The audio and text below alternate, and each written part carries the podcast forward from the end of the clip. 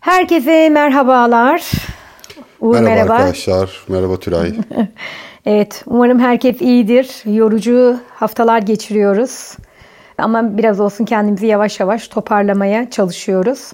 Hani bu sürece alışmak gerçekten kolay değil. Hem zihinsel olarak hem duygusal olarak değil mi fiziksel olarak da bu yorgunluğu her bedende yaşıyoruz. Evet mütemadiyen yorgunuz fiziksel olarak. Çünkü psikolojik olarak ve zihinsel olarak çok kafalarımız dolu olduğu için e, o İnsan canı hiçbir şey yapmak istemiyor değil mi? Hani bir şey yapmak istemiyorsun. Çok fazla o yaşam enerjisi insanın azalıyor. Yani şöyle oluyor. Ben şunu tecrübe ettim. Temel ihtiyaçlar dışında bir şey yapası gelmiyor insanın. Evet. Sadece yeme içme ve hani barınma gerçekten bu en temel ihtiyaçları yapıyorsun ve bu yeterli diyorsun. Çünkü toplumsal olarak galiba psikolojik olarak bir şeyi yapınca ayıp olacakmış gibi geliyor oradaki insanlara. Biraz utanç veriyor. Bu şeyden dolayı değil. Elimizden bir şey gelmediğiyle alakalı değil de çok zihinde yer ediyor. Geçtiğimiz programda da söylemiştim ya. Galiba oradaki yerin normale döndüğünü, iyileştiğini görmeden bizler tam normal olamayacağız. Normalleşeceğiz, mecburuz. Ee, ama onların gördüğümüz zaman biraz rahatlayacağız, ferahlayacağız gibi geliyor. En azından temel ihtiyaçlar dışında bir şeyler yapma işte. Ben mesela şu an olmuyor ama e, yakında başlayacak işte tiyatrolardır vesaire etkinlikler. Etkinliklere böyle gidesim gelmiyor. Evet. E, çünkü o çok sonraki bir ihtiyaçmış gibi. Çünkü oradaki yerin de e, aslında buna ihtiyacı var ama yapamıyormuş gibi. Tabii çok destek var oralarda da. Bir şeyler yapılmaya çalışıyor. Onların da ellerine kollarına sağlık. Orada çok büyük bir gönüllülükle çalışan gruplar var. STK'lar var. Onlar da sağ olsunlar, var olsunlar. Ama dediğim gibi en başa dönecek olursak temel ihtiyaç dışında gerçekten bu dönemde bir şey yapılamadığını e, gördüm 40 yaşında.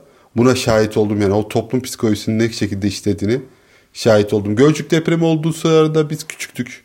Çok bunun farkında değildim ben. Küçüktüm dediğim de 18 yaşındaydım. Kadar da küçük değilmiştin Ama çok böyle e, o zaman herhalde kitle iletişim araçlarından dolayı çok farkına varamamışız olayı. Ya da ben çok küçüklüğünü de çok düşünemiyorum Uğur bu arada. ne kadar küçük olabilirsin Bazen tahmin, ben şey hayal edemiyorum. E, mesela bir işte çok enteresan bir şey yaptığım aklıma geliyor. Diyorum ki çok küçüğümdür diyorum. 30 yaşında yapmışım falan. Böyle şey yapabiliyorum. Ben herhalde ergenliği uzun dönem yaptım. evet. Ama olsun erkekler için 30 yaş gene küçük bir yaş oluyor. ya Tülay arada sen yaptı yine yapacağım. evet. evet. Bu aralar daha çok işte böyle insan çok sosyal medyayı da çok takip ediyor. Sürekli haberleri izlemek evet. istiyor. İşte ne var ne yok bir anda duymak istiyorsun. Yani aslında hani beynimiz gereğinden çok fazla bilgiyi alarak çok fazla yükleniyor aslında. Belki de bünyemiz bu kadar çok bilgiyi de kaldırmıyor. Bir de ister Oldu. istemez şimdi her şey de ortaya döküldü. Öyle değil mi? Hı hı. Hani insanların zamanında örtbas edilen şeyler bir anda ortaya döküldü. Evet. Hani bu da insanın aklı almıyor. Mesela bugün Hatay'da şunu öğrendim. Dört katlı e, imarı olan bir yere 16 kat imar vermişler. Belki imarda dördün karesidir ya. ben şimdi ben şakasını yapıyorum ama şaka gibi zaten. Yani şaka gibi dört katlı yani. olan bir yere 16 kat nasıl verilebiliyor? Ve bu de 20 sene önce müteahhitlik yapan bir kişi anlatıyor. Ben diyor 20 sene önce diyor bunu diyor bırakmak zorunda kaldım diyor. Çünkü belediyelere bağış adı altında hmm. normal istenen ücretlerin hani 5 katı 6 katı paralar vermek zorunda kalıyorlar. Ve adam artık diyor ki hani ben bu kadarını kaldıramadım diyor. Yani evrakta hani bir şeyleri değiştiriyor ya bir şeyleri başka bir şey yapabilmen için hani para hmm. veriyorsun. Evrakta bir şeyleri değiştiriyorlar ki yasaya uyduruyorlar vesaire evet. gibi olsun. Ya acaba deminki 4 16 dedin ya 4'ün üzerine böyle adam parayı alıp memur böyle dördün üzerine ufak bir iki koymuş iki olabilir mi? koydu herhalde valla öyle Allah bir şey. Allah ya. Çok Ama öyle. insanların şaka maka canına mal oluyor sonra. Ya tabii ki çok yani, büyük bir şey. Yani çok, bedeli görünen... çok ağır oldu. Yani o zaman çok. için kişilerin e, belki gününü kurtaracak olan e, işte aldıkları paralar, mevkiler artık ne aldılarsa bunun karşılığında. Hmm. Hani bugün çok büyük bir felakete neden oldu. De hani şu anda sosyal medyada en çok şeyleri dikkatimi çekiyor. Yani işte böyle evler yıkılmadıysa işte müteahhitler, evet. müta şeyler, mühendisler falan. Evet haber işte, yapılıyor bunlar. Helal olsun, kahraman, hmm. işte kaldı mı böyle kişiler. Hani hep bunlar haber yapılıyor. Veya e, işte malzemeden bir kişi çalmıyorsa vay be işte ne iyi insanlar falan. Halbuki bunlar işin normali değil mi? Yani, yani zaten evet. olması gereken. Hani bu iş zaten böyle olması gerekiyor. Cem Yılmaz'ın bir şeyi var ya hani alkış yapıyorlar Cem Yılmaz'a. Şeyin sonunda yok yok diyor alkış yapmanıza gerek yok diyor. Her şey dahil diyor. Fiyata her şey dahil evet, diyor. Evet. Hani siz Bunun bir bakkala bu. gittiniz bir ekmek ver dediniz. Bravo bravo hani ne güzel ekmek verdi. hani demiyorsunuz değil mi diyor. Doğru. Hani zaten olması gereken. Hani evet. senin zaten işini düzgün yapman gerekiyor. Zaten çalmaman gerekiyor. Ama artık bunlar bir meziyetmiş gibi sunuluyor. Ve mantık da şu insanlarda. Ya zaten bunlar her yer böyle. Yani hocam nereye gitsem böyle. Yani her yerde yani sen sanki burada dürüst davranıyorsun öteki yerde farklı mı? Yani sence bu mantık olduğu zaman bu işin içerisinden çıkabilir miyiz? Mantık böyle olduğu müddetçe. Geçtiğimiz programda da bahsettim ya aslında dilimize bazı pelesenk olan şeyler hayat tarzlarımızı oluşturuyor işte. Çalıyor ama yapıyor. Evet. Her yerde böyle. Hı hı. Yani e, sanki sen olsan yapmayacağım mı? E ben yapmazsam başkası da yapacak. Ben yapmazsam bunu diyor. İşte bu parayı almazsam gidip başkasına verecek.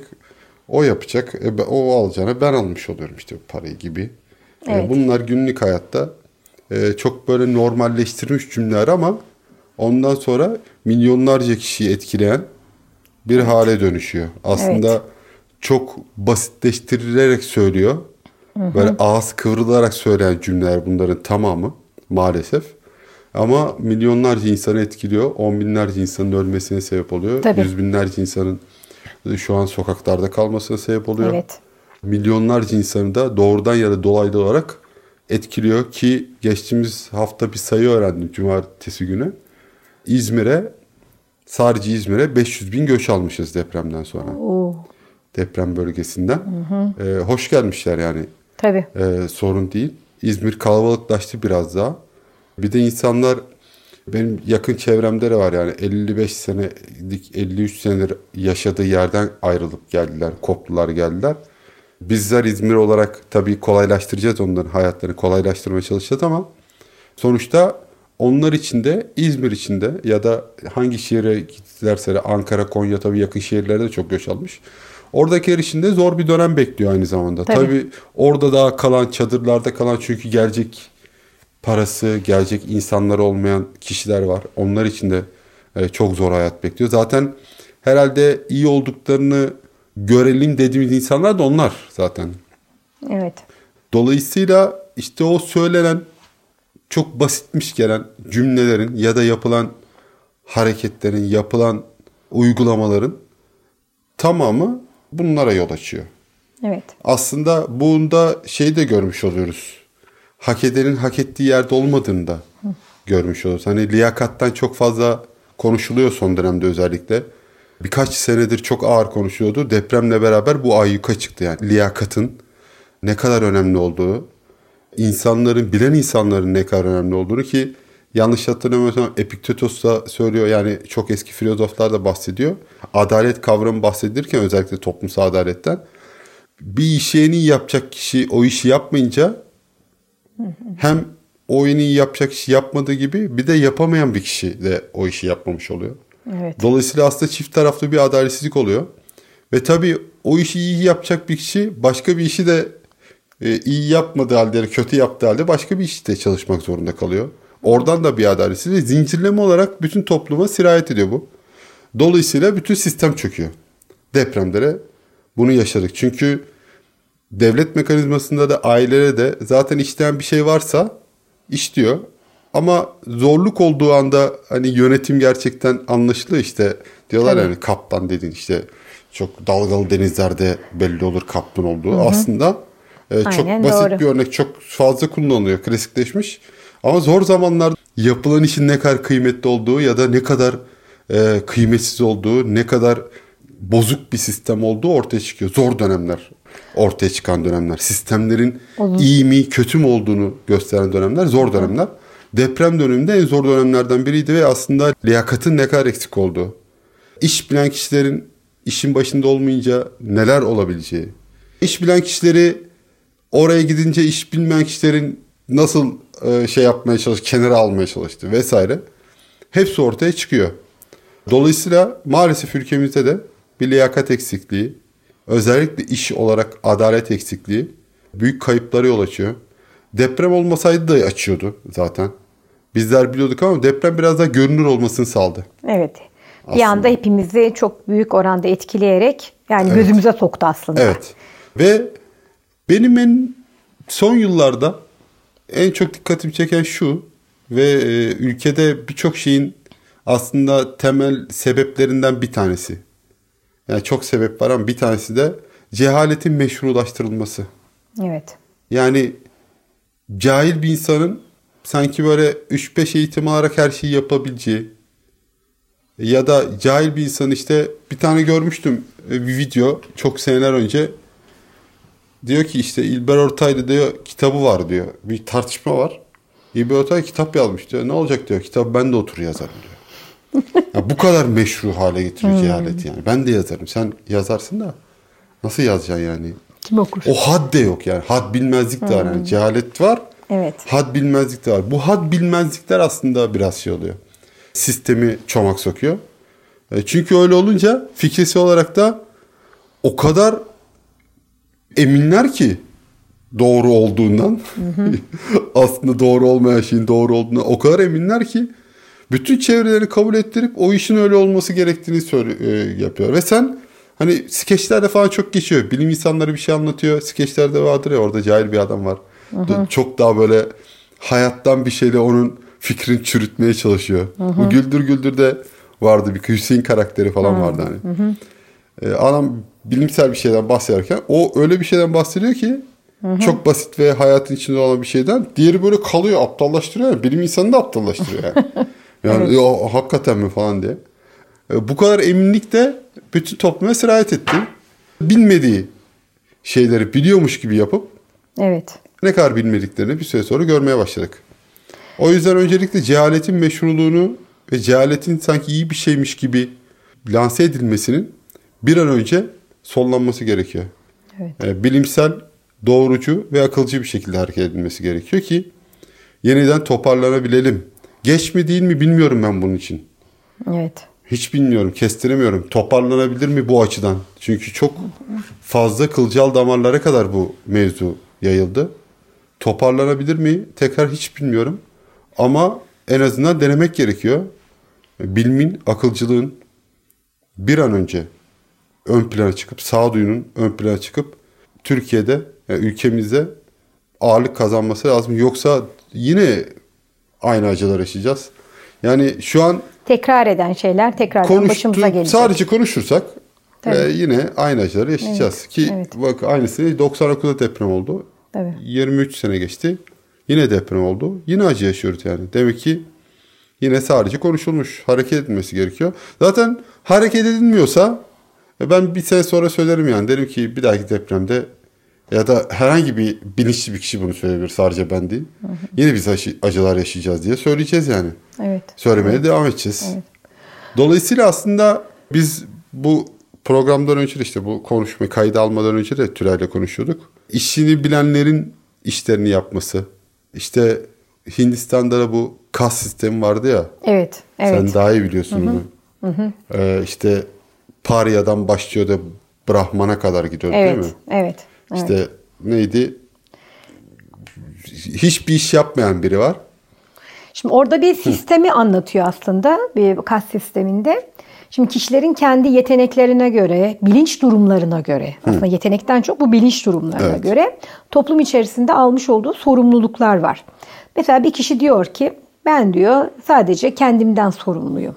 Bilinç yani, seviyesi bu. Bilinç seviyem bu. Ben sadece kendimden sorumluyum. Kendimi idare edebiliyorum. Kendi ihtiyaçlarımı görebiliyorum. Neler yapıp yapamayacağımı biliyorum diyor. Bu kişi kendinden sorumlu kişi. Mesela bu bir e, bu sistemde alt sırada yer alıyor. Bunun bir üstünde bir kişi var. O kişi diyor ki ben diyor kendimden sorumluyum. Ama evet. kendimle birlikte aynı zamanda ailemin de sorumluluğunu alabilecek durumdayım. Aileme bakabilecek, onu koruyabilecek, onun hayat içerisindeki ihtiyaçlarını karşılayabilecek bilinç seviyesindeyim diyor. Yani Hı-hı. aile sisteminde.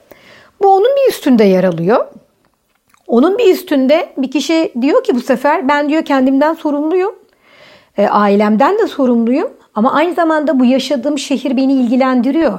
Yani yaşadığım şehrin içerisindeki insanlar, bu şehrin idaresi, bu şehrin içerisinde insanların iyi ve mutlu bir şekilde, huzurlu bir şekilde yaşayabilmesi hı hı. beni ilgilendiriyor ve ben bu konuda sorumluluk hissediyorum diyor. Yani bilinç seviyesi olarak bu seviyede. O üçüncü seviyede yer alıyor. Onun da bir üstünde bir kişi var. O da diyor ki yani ben hem kendimden sorumluyum hem ailemden sorumluyum, hem bulunduğum şehirden sorumluyum.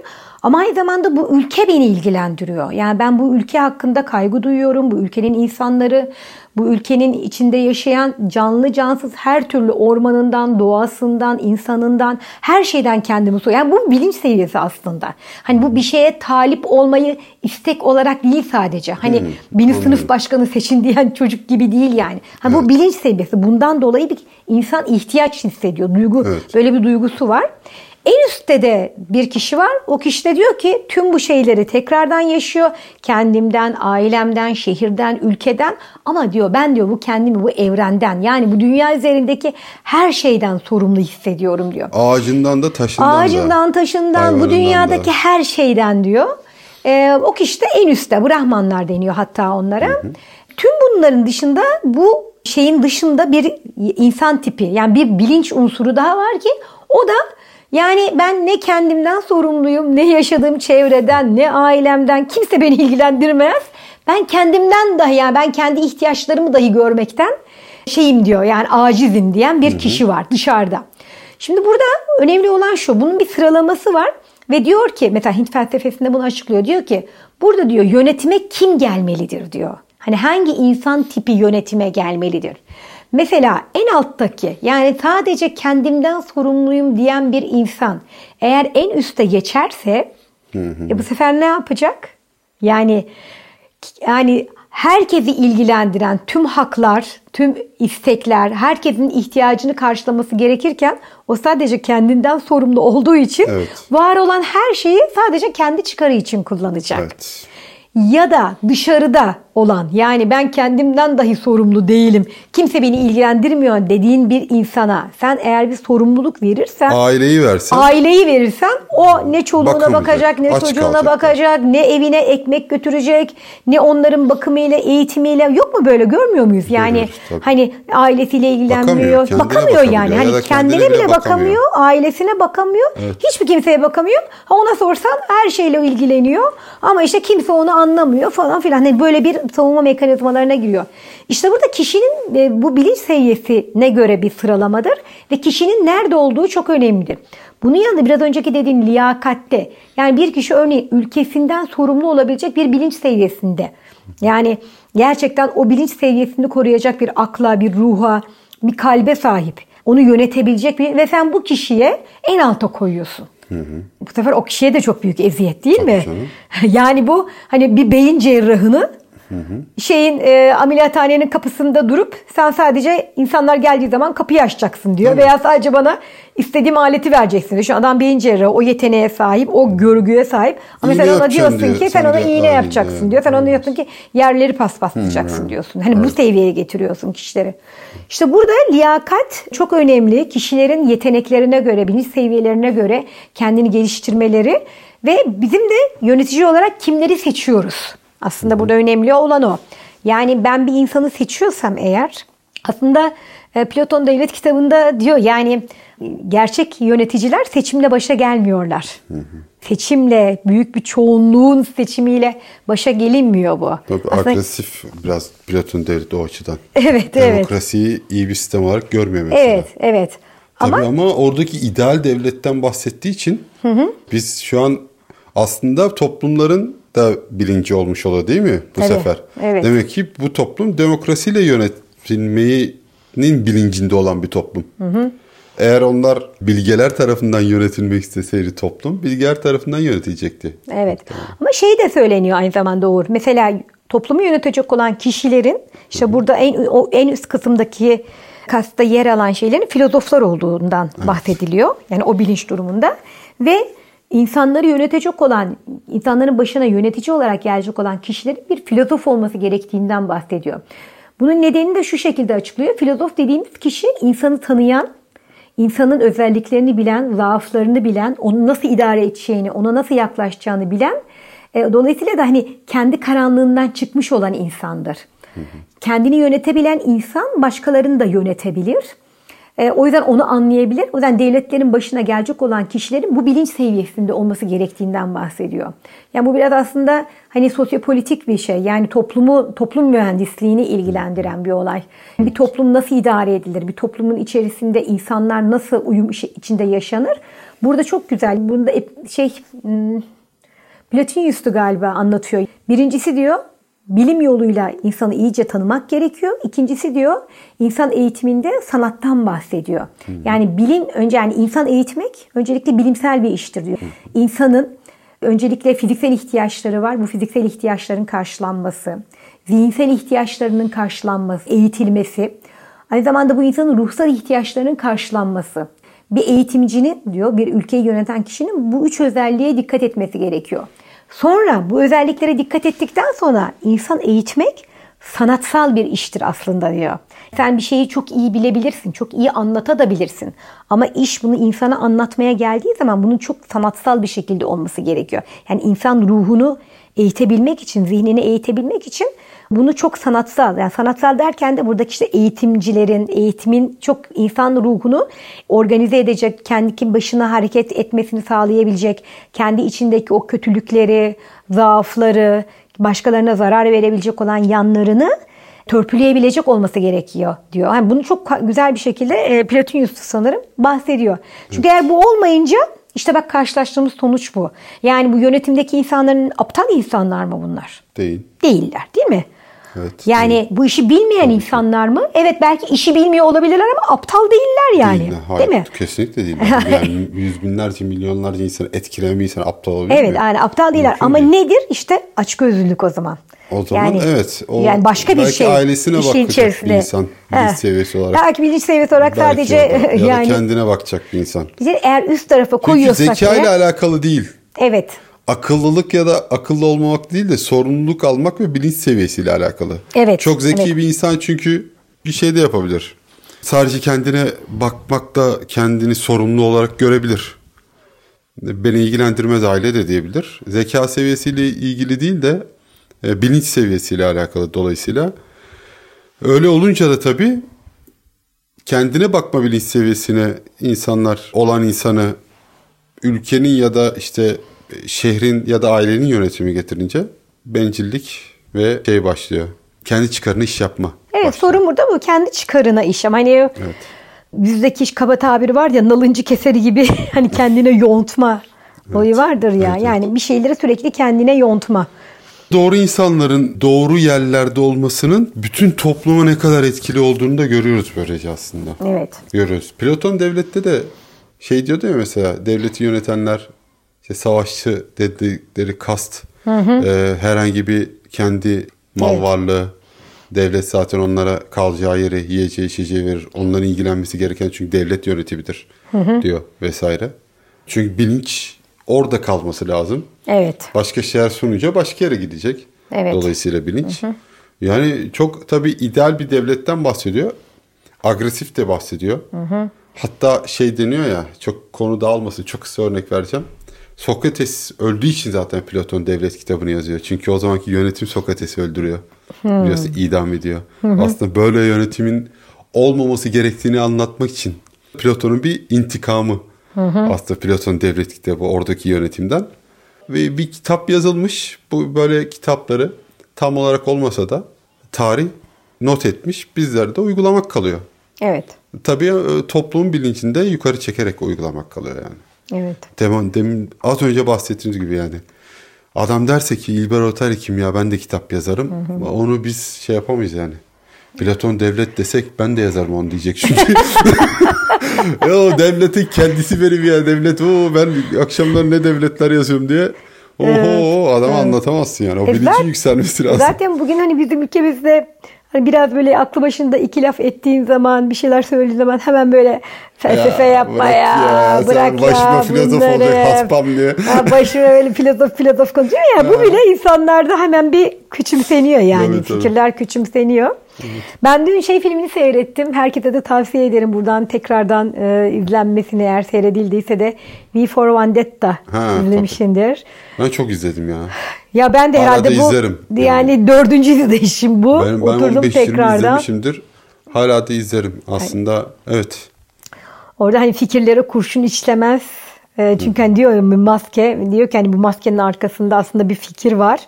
E, mutlaka izlemenizi tavsiye ederim. O filmde de aslında e, toplum mühendisi yapıyor.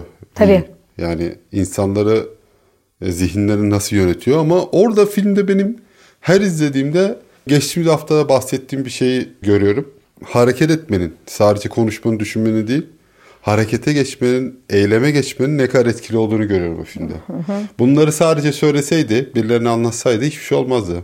Evet. Ama o hareket ettiği uygulamaya geçiyor ve insanlar görüyor.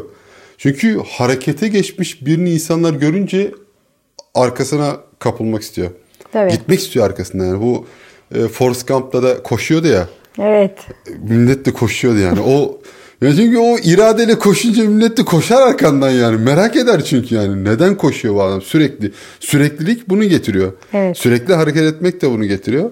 V for Vendetta'da da ben onu, onu yani sadece fikir orada evet fikirleri kurşun geçirmez diyor ama hı hı. hayatına da uyguladığı için Tabii. bunları çok büyük etki ediyor toplumda. Tabii. Hocam o insanlara. metro diyor ya metroyun olduğu yer kapalıymış. 10 sene mi aldı diyor ya adam. Ha, hani burayı mesela. diyor düzenlemek diyor 10 senemi aldı. Yani. Hani düşününce insan şu anda bir şeyleri hemen yapmak istiyor. Evet. Değil mi? Güzel. Yani bir konu olduğu zaman hele ki bu şu anda her şeye çok hızlı ulaştığımız için işte internet veya bir anda her şeye ulaşmak, bir anda istediğin bir kişiye hatta bir tweet bile atmak, mesaj bile atmak hatta buna bile ulaşabilir durumdasın. Evet. Hani cevap gelir gelmez o ayrı mesele ama Hı-hı. hani buna bile ulaşabilir durumdasın.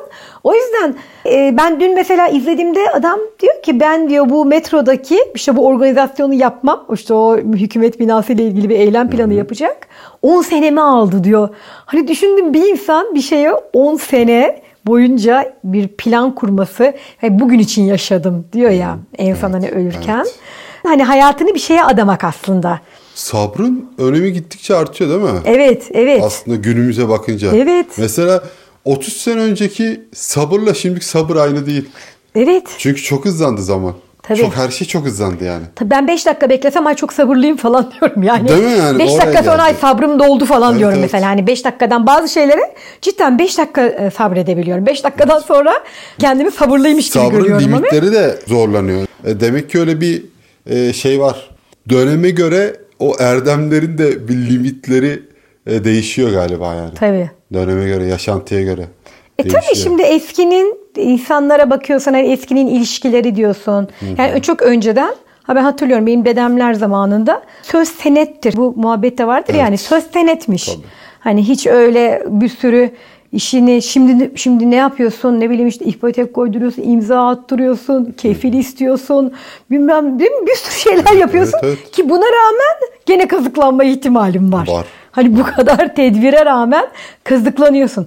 Ama ötekinde bu dedemin insanları diye e, film vardı. Çağınırman. E, evet, evet çok güzel bir e, şey filmdi. oynuyordu neydi ismini unutuyorum. Celal Ay evet ben de unuttum şu anda. Neyse. Evet yani orada ki hani adam şey yapıyor yani kendi mahallesi var yine bileyim. Hmm Birisi mesela ondan borç almış kapısının önünden geçmiyor. Şimdi beni görür de diyor ona borcunu hatırlatıyorum diye çocuğu mesela arka sokaklardan dolaştırıyor. Hı hı. O yüzden de e, hani eskiden değerler bu şekilde yaşatılıyormuş. Hı hı. Yaşatıldığı için de insan ilişkileri daha sağlıklıymış aslında. Evet. Hani... Şimdi şey olayı var tabii. Ben ondan değil de şunu söyleyecektim aslında. Çetin Tekindor evet. Çekin Tekindor. Ay pardon ya. Çetin Tekindor. Ha, doğru. Çetin Tekindor değil ben mi? Çekin Pekindor ben de, da bazen. Ben de şimdi ne diyeceğimi şaşırdım. Hani Çekin evet, Çetin abi buradan Çetin. dinliyorsa kendisine Keşke dinlese ya. Oo dinlese var ya. Süper olur. Bir de dinle tamam, lütfen. olduk deriz. lütfen dinleyin ya, falan. Çok enteresan. şey yapmadık yani. Hala alışamadığımız şey. Podcast'i mesela ben orada kesip kurguda. Hı Google'a bakıp hikayeni de anlatıp Çetin Tekindor'u söyleyip devam edebilirdik. Biz evet. hala aklımıza gelecek durmuşuz. Biz işte hala ben, ben hala konuşurken düşünüyorum bir anda ne diyor bu adamın adı falan aynen, diyorum aynen. böyle. Ben de bir de şaka yapıyorum. Çekin Pekindor falan diye. Neyse artık saflığımıza mı yanayım, evet. iyi niyetimize mi vereyim bilemedim. Kafası gidikler. Podcast peki. olarak peki. O zaman bu haftada sonuna gelelim. Yani bu programdan Kütle benim herhalde aklımda çünkü daha da saçmalayacağız diye çok korkuyorum Tülay. evet, evet. Benim aklımda kalan herhalde adalet oldu. Benim en çok aklıma kalan bu programda. Çünkü e, işlerin adil bir şekilde dağıtılması evet. bir ülke yönetimi açısından ya da bir aile yönetimi bile açısından ne kadar önemli. Bunu ben hatırladım biraz daha konuşurken. Hı hı. Senin aklına ne kaldı programdan? Benim aklımda valla ne iş yaparsan yap hani aşk ile yap var ya evet. hani düşün düzgün yap ya işini düzgün yap. İşini o kadar yani. Yani işini düzgün yap. Gene Platon diyor yani çöpçü bile olsanız diyor so sokağı öyle bir süpürün ki diyor. Hani görenler bu sokağı süpüren çöpçü işini çok seviyormuş. Öyle bir şey olsun diye size öyle bir ilham olsun. Hani Geçen... işini sevmek ve işini düzgün yapmak Hmm, hele ki bu yaptığımız iş başkalarını etkiliyorsa hani sen geçen bölümde demiştin ya yani sadece beni etkiliyorsa sadece bana zararı olur yani. Evet. Hani ben kendi çapımda zarar görürüm. O da ceremesi neyse çekerim. Hı. Ama benim bize yaptığım zarar seni etkiliyorsa işte orada işler değişiyor yani. Değişiyor. Geçen anlattığın çöp, e, şimdi anlattığın e, bu Platon çöp hikayesi söyledi. Çöp e, yerleri işte süpürmekle alakalı. Bir video izledim geçenlerde. Sen denk geldiğimi bilmiyorum. Yanlış hatırlamıyorsam Hollanda'da mıydı? Bir Avrupa ülkesinde e, adam 25 sene mi 30 senedir ne o mahalleyi süpürüyormuş. Hmm. E, o süpürdüğü çöp arabasının da böyle üstünde bir gül var. Hmm, görmedim Ve ben. sürekli onunla. Yani o adamın simgesi olmuş yani bir gül hmm. vardı galiba çiçek vardı. Aslında işine ne kadar seviyor yani bir çöp çöpçü ama çöp arabasında çiçek de geziyor. Evet. Ne kadar kıymet veriyor. Ben Vizyonu var yani. Çok etkileyici yani değil mi? Evet. Yani ve o adamı ben bir videoda bir yerde görüyorum. O kadar ha. demek ki işini yaptı ki ta oradan bana ulaştı bu adamın yaptığı iş. Evet. O mesajı yani. Hı hı. Ee, bu şekilde yapmak gerekiyor demek ki. Evet. Yani o gerçekten işi o kadar kıymetiyle yapmak gerekiyor ki hı hı. dünyanın başka ucundaki bir insan bile o yaptığın işi duysun. Ve ilham alsın. Ve ilham alsın. Bu bizde bir atasözü vardır. Herkes sakız çiğner ama kimse Ayşe abla gibi patlatamaz diye. hani var ya hani yine biraz daha şöyle bir gülümseme olsun diye aklıma geldi söyleyelim. Evet. Hani... Teşekkürler Tülay. Gülmenize neden olduysam ne mutlu bana. Hani evet, bir e, şeyleri de biraz... Biraz da olsa bir sempati e, kazanabil... Yani bir gülümseyelim ya. Yüzümüz biraz olsun güldüyse gerçekten buna da ihtiyacımız var. Evet. Ee, Tülay o zaman öyle. hadi gidelim. Gelecek hafta yeniden Peki Özel'de bu ikinci bölümüydü. Gelecek hafta üçüncü bölümde görüşmek üzere. Herkese sevgiler, saygılar. İyi olun, iyi kalın. O zaman herkesi sevgiyle kucaklıyoruz. Kendinize iyi bakın diyoruz. İşimizi iyi yapalım diyoruz. Hoşçakalın. Haydi hoşçakalın.